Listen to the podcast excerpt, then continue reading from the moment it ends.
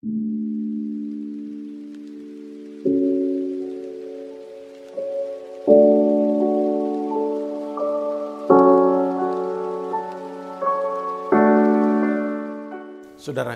di mana pun Anda berada, selamat berjumpa kembali dengan saya di sini, Suryo Citrowasono, dalam acara Kabar Baik yang diselenggarakan oleh GKRI Mojorejo.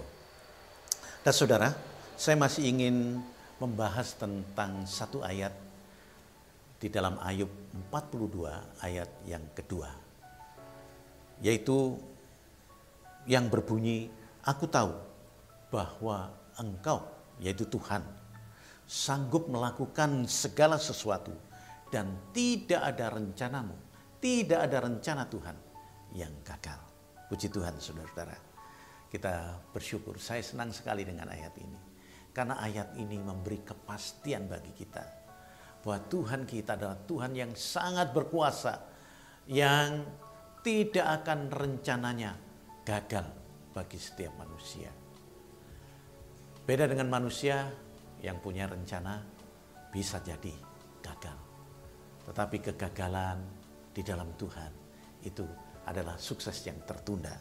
Nah saudara, uh, Ayub yang begitu kaya raya dan akhirnya dia mengalami suatu kebangkrutan dan kesakitan dan juga ditinggalkan oleh anak-anaknya yang meninggal, istrinya juga meninggalkan dia.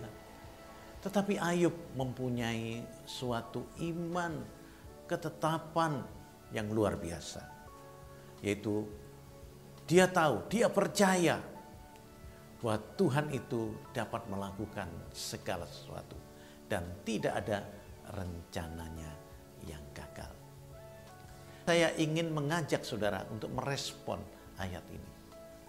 Saudara, ketika saudara mempercayai ayat firman Tuhan ini, maka janganlah kita ragu-ragu terhadap Tuhan kita. Jangan kita menjadi ragu terhadap apa yang sudah kita percayai, yaitu Tuhan Yesus Kristus.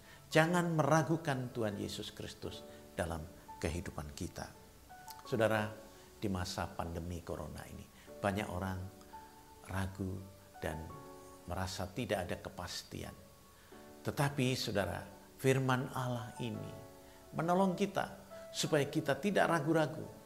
Supaya kita tetap percaya, semakin percaya dan memiliki kepastian di dalam Kristus Yesus. Maka jangan ragu, jangan meragukan kuasa daripada Tuhan kita.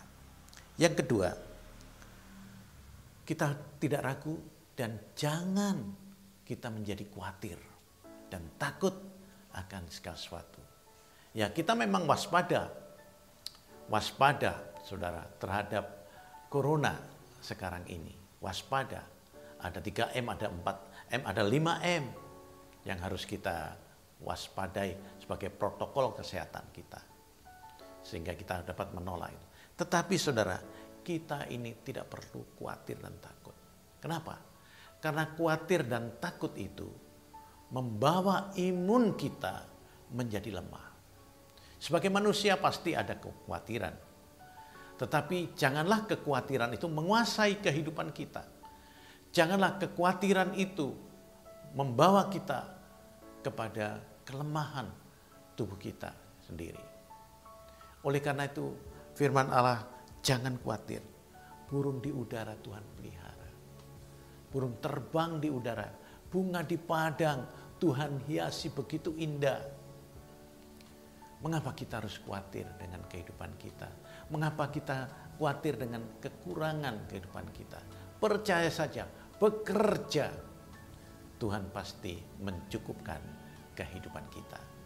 Maka saudara, ketika kita membaca firman Tuhan, khususnya Ayub 42 ayat 2 ini, aku tahu bahwa Tuhanku sanggup melakukan segala sesuatu dan tidak ada rencana yang gagal.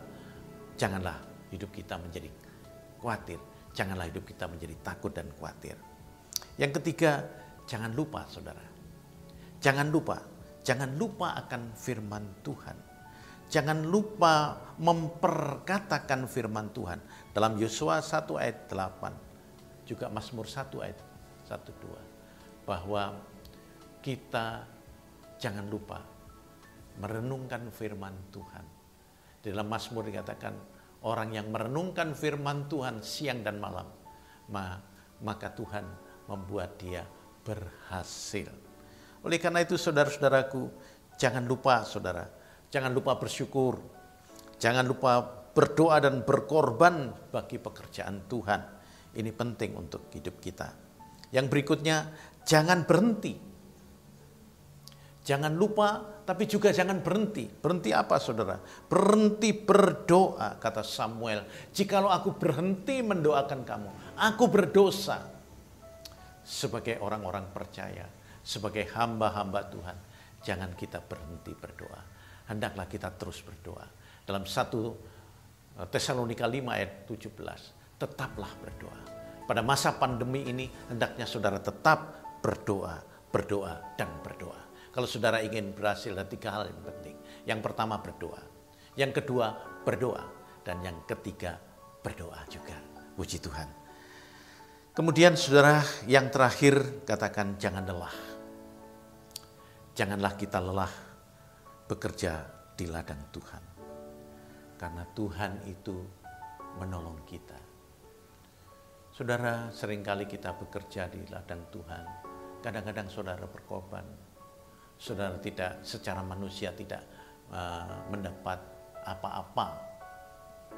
Tapi saudara mau melayani Tuhan. Mau Tuhan akan memberkati saudara. Tuhan akan menolong saudara. Oleh karena itu jangan lelah saudara. Jangan lelah bekerja di ladang Tuhan. Jangan lelah beribadah kepada Tuhan. Jangan lelah menyembah Tuhan. Sehingga saudara kita ini seperti Ayub pada akhirnya. Tuhan akan memulihkan Ayub.